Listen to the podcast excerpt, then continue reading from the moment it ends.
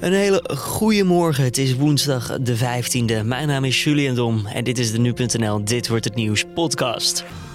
Je hebt het gisteren ongetwijfeld gehoord of gezien. De Formule 1 die keert terug naar Zandvoort. En nou leek het even alsof er een heel media- en sportcircus op het circuit afstormde. Maar ja, los van het nieuws dat de koningsklasse terugkomt naar Nederland... is drukte op het circuit zeker niet nieuw. En, uh, en dat is ook wel belangrijk om te benoemen. Bedoel, het is niet zo dat er één keer per jaar een Formule 1 race is en dat is het. Nee, uh, dinsdag tijdens de persconferentie waren ze er met motoren aan het, aan het testen en aan het racen. En er is eigenlijk vrijwel elke dag wel actie op de baan. Dus. Straks meer over de aanpassingen van de baan en de historische waarde die Zandvoort heeft. Eerst even het belangrijkste nieuws van nu. België is gestrand tijdens de eerste halve finale van het Eurovisie Songfestival. Bookmakers hadden verwacht dat Elliot met zijn nummer Wake Up zeker zou zijn van een plek in de finale.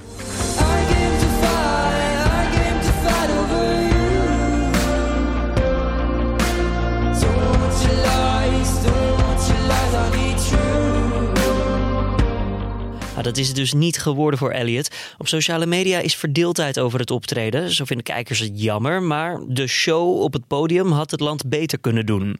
Wel door naar de finale zijn Griekenland, Wit-Rusland, Servië, Cyprus, Estland, Tsjechië, Australië, San Marino, Slovenië en IJsland. Luister maar even naar het laatste.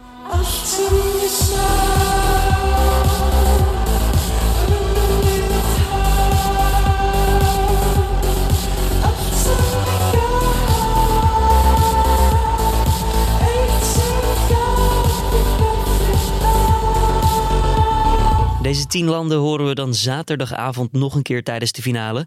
En donderdag treedt de Nederlandse Duncan Lawrence op tijdens de tweede halve finale. En dan vrijdagochtend, als je nog een beetje aan het meeschrijven bent, dan weten we of we definitief door zijn. Dan staat de podcast ochtends volledig in het teken van het Eurovisie Songfestival. Het aantal schadeclaims door autobranden in Nederland is in 2018 met 9% gestegen ten opzichte van het jaar daarvoor. In totaal werden er voor bijna 4360 auto's claims ingediend vanwege een autobrand. Dat meldt RTL Nieuws op basis van cijfers van het Verbond van Verzekeraars. In 10 van onze provincies nam het aantal claims voor uitgebrande auto's toe. Vermoedelijk ligt het aantal autobranden nog hoger, omdat niet alle autobezitters zijn verzekerd voor brandschade. Zo'n 30% heeft een auto namelijk alleen WA verzekerd. Dat geldt enkel voor schade die toegebracht wordt aan een ander. Directeur Richard Wording van het Verbond van Verzekeraars zegt tegenover RTL Nieuws niet precies te weten wat de oorzaak is van de stijging. Hij raadt auto-eigenaren aan goed op te letten waar ze hun auto parkeren. Kies voor een goed verlichte plek, zegt hij, die niet al te afgelegen ligt. Donald Trump Jr., de zoon van de Amerikaanse president, zal half juni een privégesprek houden met de speciale integriteitscommissie van de Amerikaanse Senaat. Daarover schrijft de New York Times. Trump Jr. is opnieuw gedagvaard om vragen te beantwoorden over contracten met Rusland. Eerder ontkende hij direct betrokken te zijn geweest bij plannen voor een Trump Tower in de Russische hoofdstad Moskou. Michael Cohen, de voormalige advocaat van zijn vader, sprak dat echter tegen. Volgens Cohen heeft hij de familie Trump, onder wie de zoon Donald Trump Jr. dus, en zijn zus Ivanka, zeker tien keer te hebben ingelicht over de situatie en de voortgang van Trump Tower-projecten in Rusland. Uiteindelijk ging het allemaal niet door. De Britse premier Theresa May legt haar Brexit-deal begin volgende maand nogmaals voor aan het Lagerhuis. Dit jaar is al drie keer eerder gestemd over die deal en telkens wist May geen meerderheid voor haar besluit te krijgen.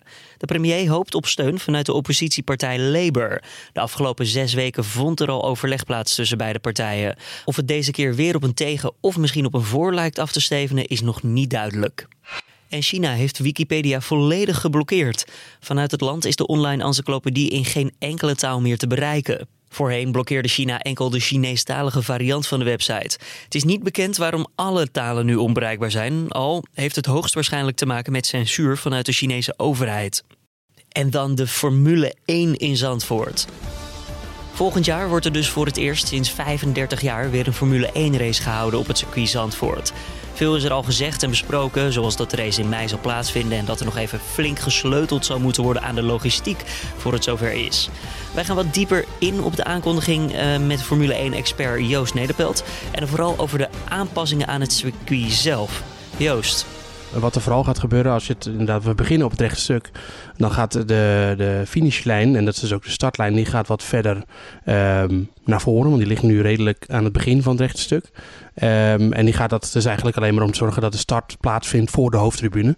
Zodat de mensen die daar uh, dik betaald hebben voor een kaartje ook daadwerkelijk goed de start te zien krijgen. Uh, dan uh, de Tarzanbocht, wel bekend. Die kennen de meeste mensen wel, die Zandvoort kennen. Die blijft ongewijzigd. En daar is ook geen enkele reden voor om die aan te passen. Want dat is een hoogtepunt van Zandvoort. Een icoon zou je wel kunnen zeggen van het circuit, ja. Een icoon, ja, zeker. En dat is ook een bocht waarin je meerdere lijnen kan rijden. Dus daar kan ook ingehaald worden. Uh, een thema waar we straks nog op komen. Er is weinig ruimte. Dat is een, uh, dat is een factor waar uh, heel erg rekening mee gehouden moet worden. Maar zoals ik het begrepen heb, nemen de Formule 1-baas dat gewoon voor lief. En ik vroeg dat ook aan, aan Chase Carey, de, de, de, de baas van de Formule 1. En die zei van ja, er zijn wel meer circuits. denk aan Monaco. denk aan Singapore, waar weinig ruimte is. Dus dat is iets waar mee ze gewoon kunnen werken. De belangrijkste wijziging die er eigenlijk gaat plaatsvinden is vooral in de laatste bocht voor start-finish. Dus voor het rechtstuk. Uh, dat wordt een meer vloeiende kombocht. Uh, kombocht betekent dat hij een beetje, nou ja, laten we zeggen, vanuit het, het binnen van de, de, binnenkant van de bocht een beetje naar omhoog loopt. Zodat je een soort van, ja, zoals je dat bij Amerikaanse ovals wel ziet, van die, van die banking krijgt. en het doel daarvan is dat die bocht makkelijk vol gas genomen kan worden. en daar kunnen ze dan ook, zoals ze dat in de Formule 1 momenteel gebruiken de DRS-zones. Uh, daar kunnen ze er dan ook van eentje op het rechte stuk doen, die heel lang is. Waardoor je dus meteen uh, een goede inhaalmogelijkheid uh, creëert. Want de DRS-zones is een, is een middel om het inhalen te bevorderen. En inhalen is lastig op Zandvoort. Ja, inhalen is een, is een thema wat dinsdag veel langskwam. en ook eerder al eigenlijk tijdens de Grand Prix van Spanje. Toen werden veel coureurs van de Formule 1 ook al gevraagd naar uh, hun mening over Zandvoort. En daar was eigenlijk uh, de, de heersende mening, ja, heel vrij circuit om te rijden. Uitdagend circuit.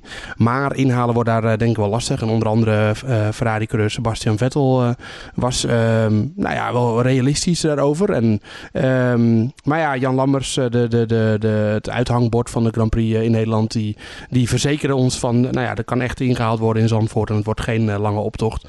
En nou ja, mede door die aanpassing aan de laatste bocht moet dat moet dat makkelijker worden. Ja, het is een, het is een relatief smal circuit. Uh, je kunt er relatief uh, lastig inhalen. Maar het is ook nergens uh, wordt, kun je zeggen dat het onmogelijk is. En, en het is gewoon een, een, een circuit wat wat dat betreft prima op de kalender past. Nou, daarop inhakend, Jan Lammers die had het ook nog over. Het is een heel snel circuit met ja, snelle pitstops. Waarschijnlijk zelfs een drie-stopper, zei hij. Ja, nou ja, kijk, je moet natuurlijk zo zien dat uh, een pitstop is in principe voor, voor een uh, Formule 1-coureur tijdens een race een, een, nare onderbreking. Omdat je natuurlijk stilstaat terwijl de, je concurrenten aan het rijden zijn. Um, maar uh, wat win je ermee terug? Je wint ermee terug dat je snellere, of tenminste versere banden krijgt. waarmee je de snellere rondetijden rijdt. Waarmee je de tijd die je dus kwijt bent tijdens een pitstop in principe weer in kan halen. Omdat je later sneller over, over de baan gaat. Um, en hoe minder, je tijd dus, minder tijd je dus kwijt bent tijdens dat hele, die hele pitstop. Dus dan hebben we het niet alleen over het stilstaan en banden wisselen, maar ook het inrijden en het uitrijden van de pitstraat. Uh, als dat, die tijd relatief kort is, ja, dan heb je dus natuurlijk ook minder tijd om goed te maken. Dus is het aantrekkelijker om een pitstop te maken. Is hup, erin, banden wisselen en er weer uit. En ja, daardoor ben je dus relatief uh, weinig tijd kwijt. En dan krijg je meer pitstops. En waarom zegt Jan Lammers nu dat dat een positief iets is? Nou ja, omdat meer, hoe meer pitstops er zijn, dat, gaat, dat komt de aantrekkelijkheid van de race uh, doorgaans ten goede. En al die actie die speelt zich af in het midden van natuurlijk de duinen. Ja, weet je, de waterleidingduinen. Um, het is een opmerkelijke plek voor een circuit natuurlijk. Hoe is dit eigenlijk zo gekomen? Ja, het circuit is al aangelegd. Uh, ik geloof dat ze zelfs begonnen al zijn tijdens de Tweede Wereldoorlog. Um, en uh, dus na, kort na de oorlog werd er al gereisd. En ja, of dat toen, volgens mij was er toen nog geen sprake. Ik moet zeggen, ik ben geen expert wat betreft de historie van het circuit van Zandvoort. Maar was er toen nog geen sprake van een aangewezen natuurgebied daar. dus het is natuurlijk geen wedstrijdje. Wat was er eerder, het circuit of het natuurgebied? Maar ja, dat circuit dat ligt er al heel lang. En, en daar wordt dagelijks op gereest. En, uh, en dat is ook wel belangrijk om te benoemen. Ik bedoel, het is niet zo dat er één keer per jaar een Formule 1 race is en dat is het. Nee, we, uh, dinsdag tijdens de persconferentie waren ze er met motoren aan het, aan het testen en aan het racen. En er is eigenlijk vrijwel elke dag wel actie op de baan. Dus um, ja, je kunt natuurlijk, het, het, het is echt te begrijpen als, als voor mensen die de natuurgebied heel belangrijk vinden en de rust heel belangrijk vinden, dat het, dat het circuit daar een doorn in hun oog is. Maar ja, hij ligt er al heel lang en het is natuurlijk het, goed, het goede recht van de, van de organisatie en ook van de, van de gemeente om daar een groot evenement te organiseren.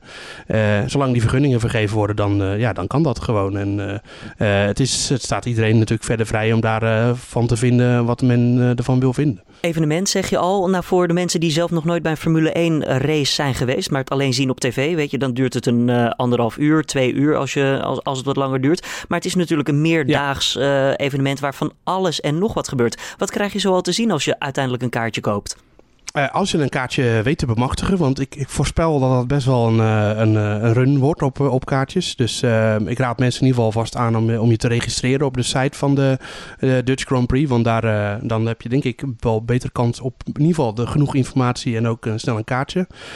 maar wat krijg je dan te zien? Ja, het is natuurlijk tegenwoordig zo dat de Formule 1 um, ehm, reist samen, vooral in Europa, met een heel circus met ook de Formule 2 en de Formule 3.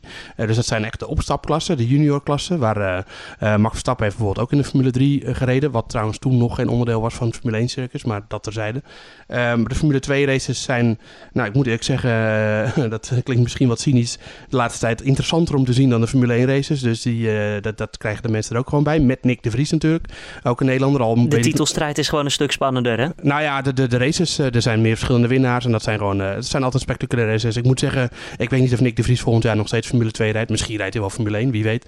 Maar uh, dat, dat is een dagvullend programma en, uh, en dat is, uh, ja, de, de, sponsoren die daarbij waren, waaronder ook Heineken, die, die hadden het echt over een, een, een groot evenement waar de Formule 1 eigenlijk een onderdeel, en natuurlijk het allerbelangrijkste onderdeel van, van is, maar wel echt een onderdeel. Dus ja, mensen hoeven niet bang te zijn dat ze voor anderhalf uur race heel lang onderweg zijn. het is echt een dagvullend programma. Je krijgt waar voor je geld en ja, dat geld moet er ook komen, want het moet worden betaald allemaal.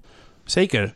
Ja, ehm, eh, dat komt voor een groot deel uh, komt dat uit private zakken door de sponsoren en ook de eigenaar van het circuit natuurlijk.